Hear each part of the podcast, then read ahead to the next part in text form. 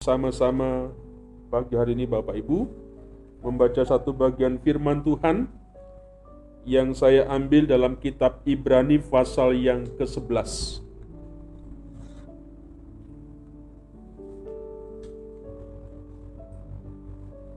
Ibrani pasal yang ke-11.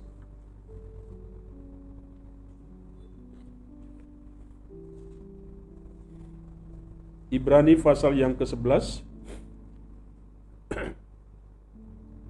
Kita akan membaca membacanya ayat 1 sampai dengan ayat yang ke-6. Ibrani pasal yang ke-11 ayat 1 sampai dengan ayat yang ke-6 demikian bunyi firman Tuhan. Saksi-saksi iman. Iman adalah dasar dari segala sesuatu yang kita harapkan dan bukti dari segala sesuatu yang tidak kita lihat. Sebab oleh imanlah telah diberikan kesaksian kepada nenek moyang kita.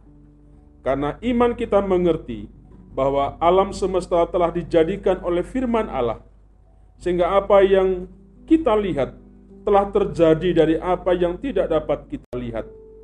Karena iman Habil telah mempersembahkan kepada Allah korban yang lebih baik daripada korban Kain.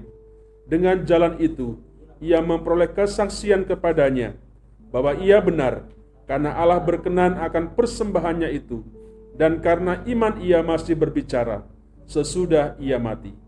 Karena iman Henok terangkat supaya ia tidak mengalami kematian dan ia tidak ditemukan karena Allah telah mengangkatnya. Sebab sebelum ia terangkat, ia memperoleh kesaksian bahwa ia berkenan kepada Allah. Tetapi tanpa iman tidak mungkin orang berkenan kepada Allah.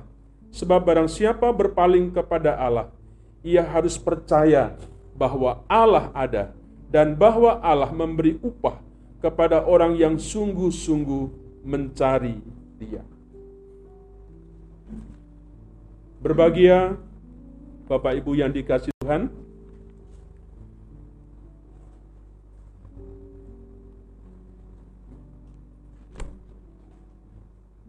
Bapak Ibu masih di suasana tahun baru.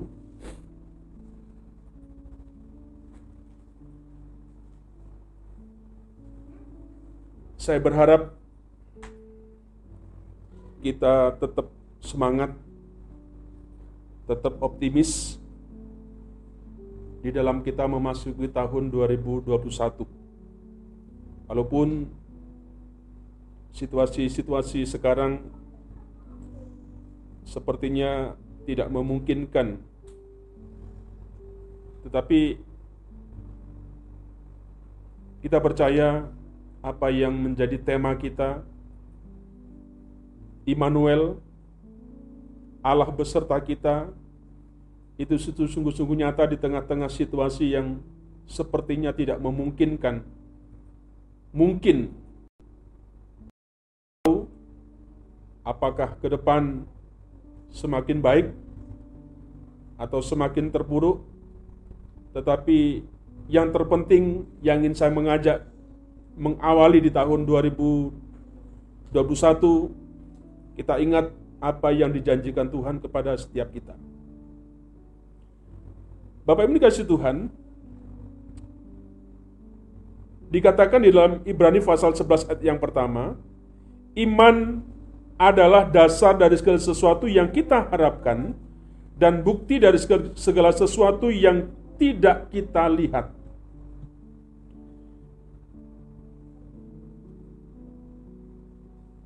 Kita sudah mendengar tentang janji Tuhan. Bagaimana meraih janji Tuhan itu? Di dalam masa-masa situasi yang seperti ini. Bapak Ibu Saudara Tuhan, sebagai umat Kristen, sebagai orang percaya, kita diminta untuk dapat melihat segala sesuatu, Bapak Ibu, dengan kacamatanya Tuhan.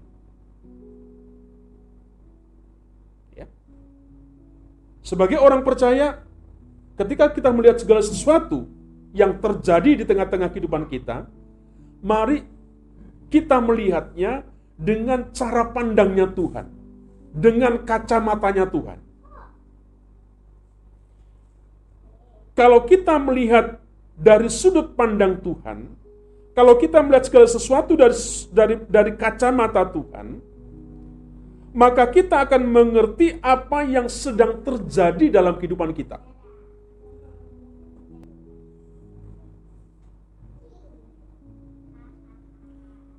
Tidak ada segala sesuatu yang terjadi tanpa seizin Tuhan. Semua yang terjadi adalah sekehendak Tuhan, seizin daripada Tuhan. Dan tidak ada sesuatu yang terjadi sebuah kebetulan saja. Kita sudah diingatkan untuk hal seperti itu. Pada pertemuan pertama persekutuan rumah tangga, saya mengatakan, Bapak Ibu dalam memasuki tahun 2001, apa yang Bapak Ibu bawa? Apa yang Bapak Ibu sedang persiapkan?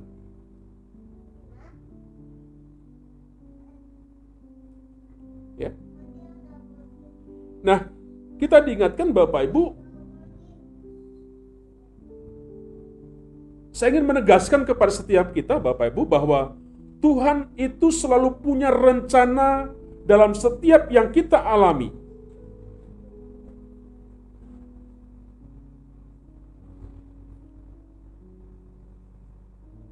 Dan jangan pernah bergeser.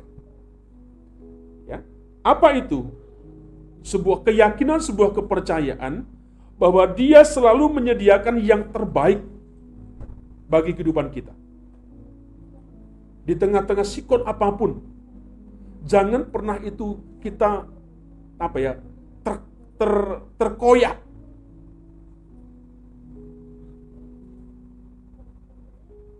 Tetapi faktanya Bapak Ibu, apa yang seharusnya bagi kita orang percaya yang saya katakan tadi, tidak demikian. Yang terjadi dalam kehidupan banyak orang Kristen banyak orang Kristen, banyak orang yang percaya ketika menghadapi sebuah situasi kondisi yang buruk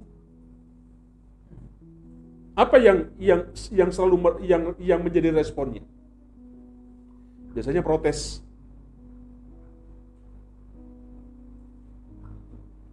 Ya protes. Mengapa dia alami seperti ini? Timbul berbagai pertanyaan yang muncul yang keluar. Dan mungkin bertanya, mengapa ini terjadi? Ya, mengapa ini terjadi dalam kehidupanku? Mengapa Tuhan izinkan semuanya? Dan masih banyak pertanyaan-pertanyaan yang mungkin muncul dalam benak kita. Ketika kita menghadapi situasi situasi yang mungkin tidak mengenakkan seperti itu. Bapak Ibu, kita tidak mengerti bahwa sebenarnya ada berkat yang Tuhan sediakan di balik semua permasalahan itu.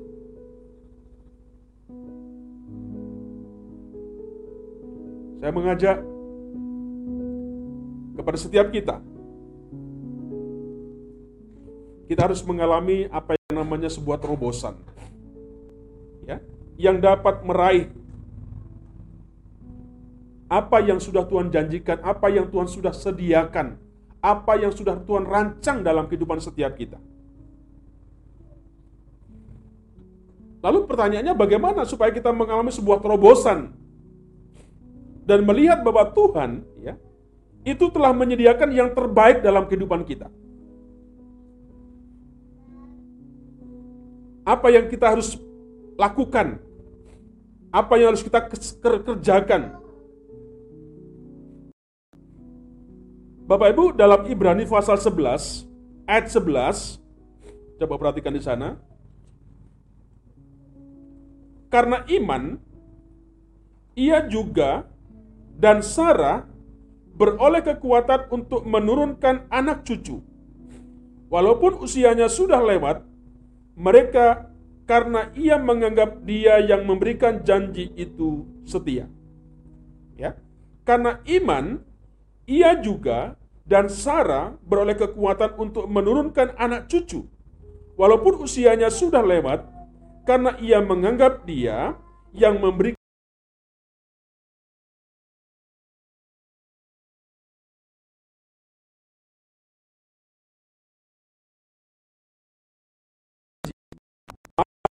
kita melihatnya dalam segala aspek kehidupan yang terjadi itu dengan mata iman. Ya. Dengan percaya. Nah, dari kisah Abraham Abraham sadar bahwa dirinya secara fisik dan istrinya pun itu sudah tidak mungkin untuk memiliki anak, untuk memiliki keturunan. Karena usianya sudah tidak memungkinkan untuk bisa menurunkan, untuk melahirkan anak. Karena memang usianya yang sudah lanjut. Tetapi Bapak Ibu dia belajar melihat dengan mata iman bahwa Tuhan sanggup untuk menggenapi apa ya yang telah dijanjikannya. Ini yang yang saya ingin mengajak supaya kita ketika kita ada di tahun 2021 Bapak Ibu, fenomena terjadi macam-macam. Kita masih tetap, tetap kuat ya, memegang apa yang menjadi janji iman, janji Tuhan. Firman Tuhan mengingatkan kepada kita bahwa Tuhan tidak pernah lalai untuk menepati dan janjinya. Dia tidak akan pernah lalai untuk menepati janjinya. Kepada Abraham secara khusus untuk memberikan seorang anak. Kalau kita melihat dalam kejadian 12, Tuhan berjanji kepada mereka kepada mereka. Ya. Ketika dipanggil, bagaimana ada sesuatu yang Tuhan janjikan kepada Abraham. Tetapi Bapak Ibu, janji Tuhan kepada Abraham untuk memberikan seorang anak. Nah, di dalam pembacaan kita Bapak Ibu di sini, Abraham mengandalkan imannya untuk melihat apa yang Tuhan sediakan jauh di depannya.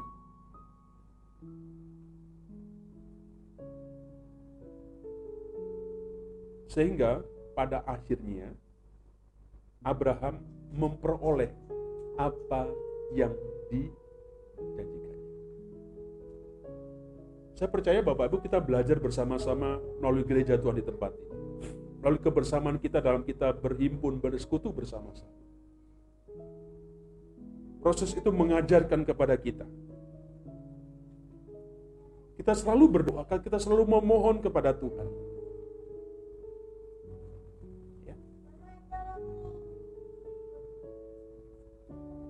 ketika kita tetap memandang, melihat segala sesuatu dengan kacamata Tuhan, Bapak Ibu, saya percaya kita akan mengalami, kita akan memperoleh apa yang Tuhan janjikan kepada setiap kita. Seperti apa yang dilakukan kepada Abraham. Mari, apa yang menjadi pesan di sini Bapak Ibu? Mari melihat segala sesuatu dengan kacamata i apa pun yang sedang terjadi. Bapak Ibu, hari-hari ini saya mendengar banyak teman-teman saya juga yang sedang masuk isolasi. Saya mendengar informasi ada di sana sini ada gejala-gejala yang terjadi. Bapak Ibu, saya jujur dalam beberapa waktu ini bergumul sebenarnya melihat situasi seperti ini. Ya. Tetapi Bapak Ibu ketika kita melihat sebuah keadaan, melihat situasi yang seperti rasanya kita benar-benar secara manusia kita takut. Ya. Tetapi saya diingatkan oleh bagian firman Tuhan ini dari kisah Abraham. dari apa yang menjadi satu perjalanan kita, Bapak. Mari sekali lagi ketika kita memasuki tahun yang baru, kita biar mengalami sebuah terobosan. Apa yang sudah dijanjikan Tuhan itu tidak hanya sebuah janji, ya, tidak hanya sesuatu yang hanya kedengarannya bagus di telinga kita. Kalau kau terjadi sesuatu dalam kehidupanmu, mari lihat dari sisi Tuhan. Ya, dari kacamata Tuhan, dari pandangan Tuhan. Tuhan sudah berjanji akan menyertai kita di tengah-tengah situasi apa pun. Maka kita harus ingat, Tuhan kita adalah Tuhan yang setia. Ada caranya Tuhan. Ada hal yang Tuhan bisa kerjakan. Yang kedua, yang harus kita kerjakan. Mari kita belajar dari kitab 1 Raja-Raja pasal 19 ayat yang ke-8. Kitab Raja-Raja, satu Raja-Raja pasal 19 ayat yang ke-8. Kisah daripada Nabi Elia. Satu Raja-Raja pasal 19 ayat 8. Maka bangunlah ia, lalu makan dan minum. Dan oleh kekuatan makanan itu, ia berjalan 40 hari 40 malam lamanya sampai ke gunung Allah, yakni Gunung Horeb. Ya, maka bangunlah ia. Ia di sini siapa? Elia. Maka bangunlah Elia, lalu makan dan minum. Oleh kekuatan makan itu ia berjalan, Elia berjalan 40 hari 40 malam lamanya sampai ke gunung Allah, yakni ke gunung Horeb. Dalam kisah itu Bapak Ibu kalau kita membaca secara lengkap, setelah mengalahkan Elia, Nabi Elia setelah mengalahkan 450 orang nabi-nabi Baal, Nabi Elia itu mendapatkan ancaman dari Ise, Isabel. Isabel sangat marah atas perbuatan Elia. Dan Isabel ingin membalasnya. Isabel ingin membunuh daripada Nabi Elia. Ketika Isabel mengancam seperti ini Bapak Ibu,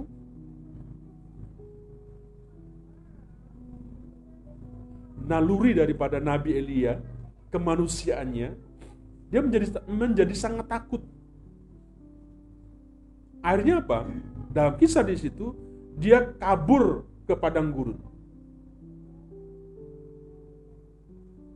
Bagaimana 450 nabi Baal dia bisa kalahkan ya atas penyertaan Tuhan. Tetapi ketika mendengar ancaman daripada Isabel, dia menjadi takut. Dia menjadi lemah. Dia kabur ke padang gurun. Di sana dia merasa putus asa. Dan dikatakan, diceritakan, disaksikan dia ingin mengakhiri hidupnya. Bapak Ibu, dalam kehidupan kehidupan kita sehari-hari, ketika kita menghadapi sebuah ancaman, ketika kita menghadapi sesuatu seperti apa yang dialami oleh Nabi Elia, mungkin tidak dibunuh, Seringkali yang terjadi Bapak Ibu, kita ini larut dalam satu masalah. Lebih parahnya, kita sering kali menenggelamkan diri kita dari segala keterpurukan kita.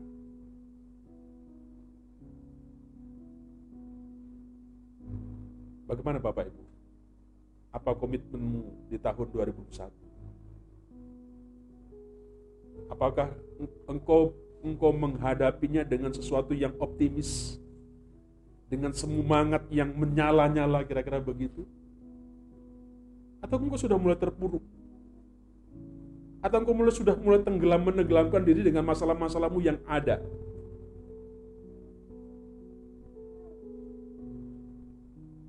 Elia takut, ingin mati. Siapa yang ingin mati? Ada yang ingin mati? Tidak kan? Jangan. Kalau Tuhan masih memberikan kesempatan kepada kita umur panjang, jangan sampai kita kemudian terpuruk dan kita menenggelamkan diri dari segala keterburukan kita. Bapak Ibu perhatikan, dalam kisah itu, ketika Nabi Elia mengalami sebuah keterpurukan, dia mengalami sebuah keputusasaan. Tuhan mengirimkan malaikatnya untuk menolong hambanya ini. Tuhan menyampaikan sebuah pesan kepada Nabi Elia. Disuruh apa? Ba bangun. Bangun. Bangkit. Dari apa? Dari keterpurukan. Kalau engkau melihat sebuah keadaan situasi yang seperti ini, apa pun persoalan dalam kehidupan kita, bahasanya sebuah keterpurukan yang terjadi dalam kehidupan kita, kita tidak bangun, tidak kita tidak akan bangkit, maka kita tidak akan bisa, Bapak Ibu, menghadapi kehidupan kita ke depan yang mungkin akan lebih berat tantangan yang kita harus hadapi. Sebab itu Tuhan menyampaikan pesan kepada Elia untuk bangun, untuk bangkit dari sebuah keterpurukan.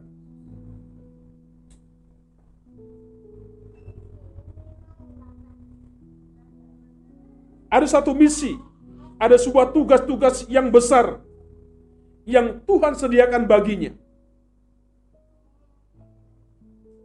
Tapi kadang-kadang kita tidak. Kita hanya berdiam diri. Kita hanya menenggelamkan diri dengan persoalan-persoalan yang ada dalam kehidupan kita.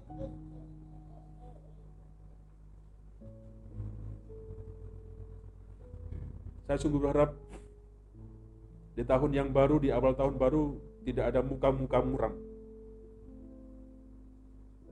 Ya. Coba tengok wajah teman kita. Apakah dia wajah-wajah keterpurukan atau seperti apa?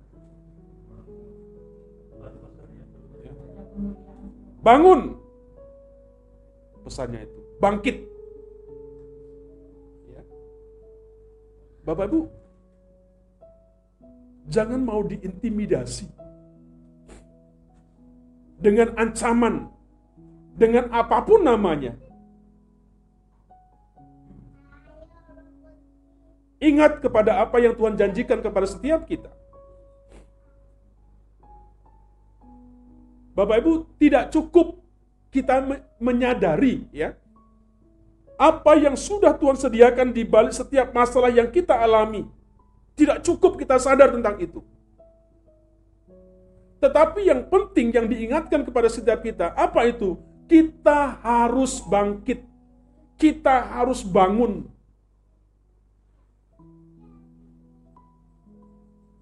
Kita harus bangkit dari kesedihan kita. Kita harus bangun dari kekecewaan kita. Kita harus bangun dari sakit hati kita. Dari sebuah keputusan-keputusan yang kita alami, keputusasaan yang kita alami kita harus bangun, bangkit. Lepaskan, tinggalkan segala perasaan, ya, semua itu bangun dan bangkit untuk meraih apa yang Tuhan janjikan, yang apa yang Tuhan sediakan bagi kita. Ingat ada perkara-perkara besar yang telah Tuhan sediakan bagi engkau, bagi saya ketika engkau mau mau bangkit, mau bangun dari segala keterburukan yang ada dalam kehidupan. Kalau kau ingin mengalami sebuah terobosan untuk meraih janji daripada Tuhan. Ini satu pesan kepada setiap kita. Bangkit. Bangun dari segala keterpurukan. Yang terakhir.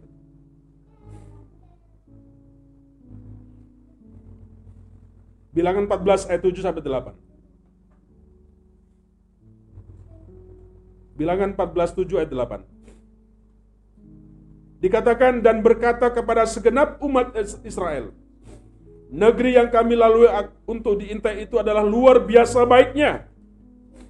Jika Tuhan berkenan kepada kita, maka Ia akan membawa kita masuk ke negeri itu dan akan memberikannya kepada kita suatu negeri yang berlimpah-limpah susu dan madunya. Dan berkata kepada segenap umat Israel, negeri yang kami lalui untuk diintai itu adalah luar biasa baiknya. Jika Tuhan berkenan kepada kita, maka ia akan membawa kita masuk ke negeri itu dan akan memberikan kepada kita suatu negeri yang berlimpah-limpah susu dan madunya. Kisah tentang bangsa Israel akan masuk ke tanah perjanjian. Mereka mengirimkan dua, 12 pengintai untuk melihat sebuah keadaan di sana.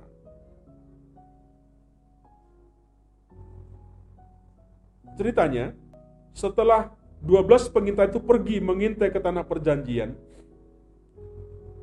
10 orang mengatakan bahwa negeri itu diduduki oleh banyak orang-orang yang gede. Diduduki oleh para raksasa kata di situ ya. Dan tidak mungkin untuk dikalah dikalahkan.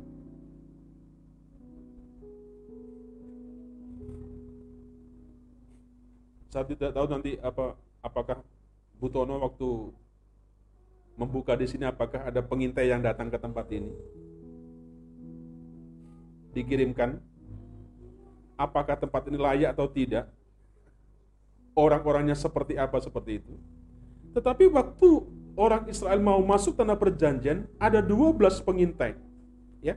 Dan ketika kembali, 10 orang mengatakan bahwa negeri itu tidak mungkin tempat ini tidak mungkin untuk diduduki. Karena ada orang-orang yang kuat. Ada orang-orang yang hebat seperti itu. Dan tidak mungkin untuk dikalahkan. Tetapi Bapak Ibu hanya dua orang pengintai, ya, Yosua dan Kaleb, yang tetap berkeyakinan bahwa Tuhan pasti akan membawa mereka masuk ke tanah perjanjian dan bisa merebutnya dari tanganmu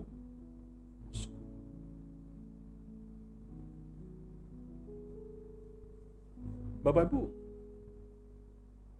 saya ingin mengajak di situasi yang, yang apa yang sering kali membuat kita pesimis.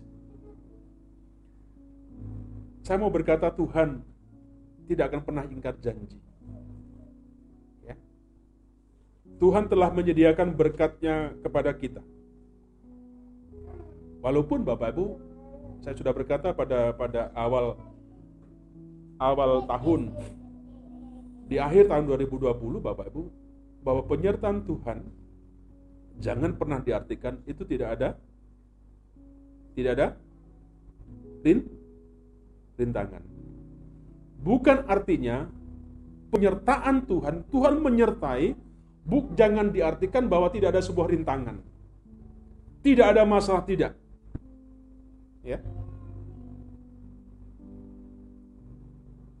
Walaupun demikian sekali lagi Bapak Bu, ada rintangan, ada tantangan yang harus kita lalui, yang harus kita hadapi.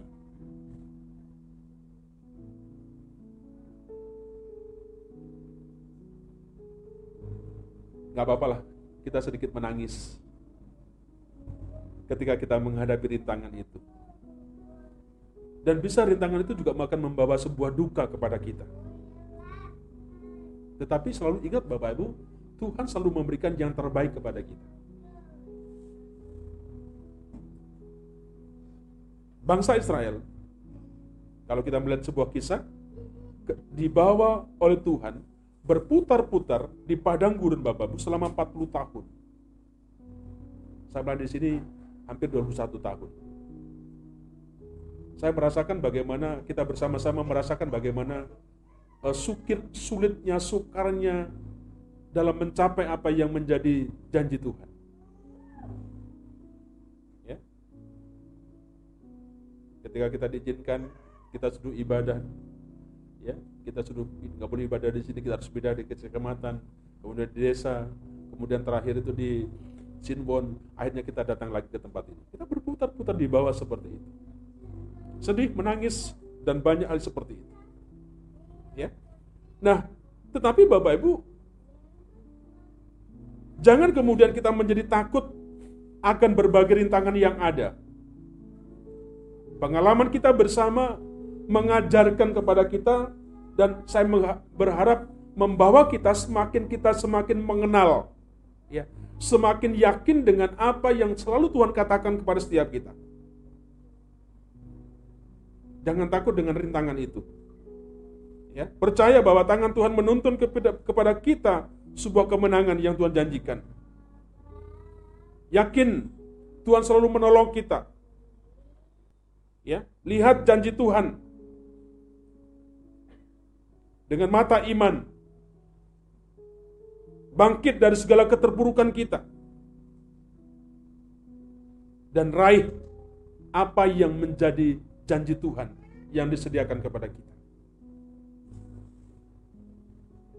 Jadi, mari Bapak Ibu sekalian Tuhan, saya mengajak sungguh-sungguh bersama-sama di dalam kita memasuki tahun yang baru, tahun 2021.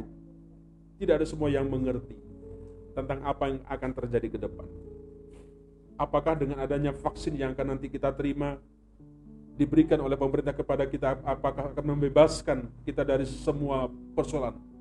Tidak ada yang tahu. Tapi hanya yang sat yang kita tahu satu. Tuhan yang menjamin. Tuhan yang berjanji kepada setiap kita. Mari kita kita raih. Kita dapatkan itu. Kalau kau menghadapi segala keterpurukan ketantangan, satu pesan, mari jangan jangan kemudian kita menjadi lemah. Bangun, bangkit. Lihat segala sesuatu dengan pandangan daripada Tuhan. Sesulit apa pun yang terjadi di tahun ini Bapak Ibu, saya sungguh bersama-sama. Karena iman, kita akan menang. Karena iman yang kita punya, kita akan meraih apa yang dijanjikan Mari kita tunduk kepala, kita berdoa.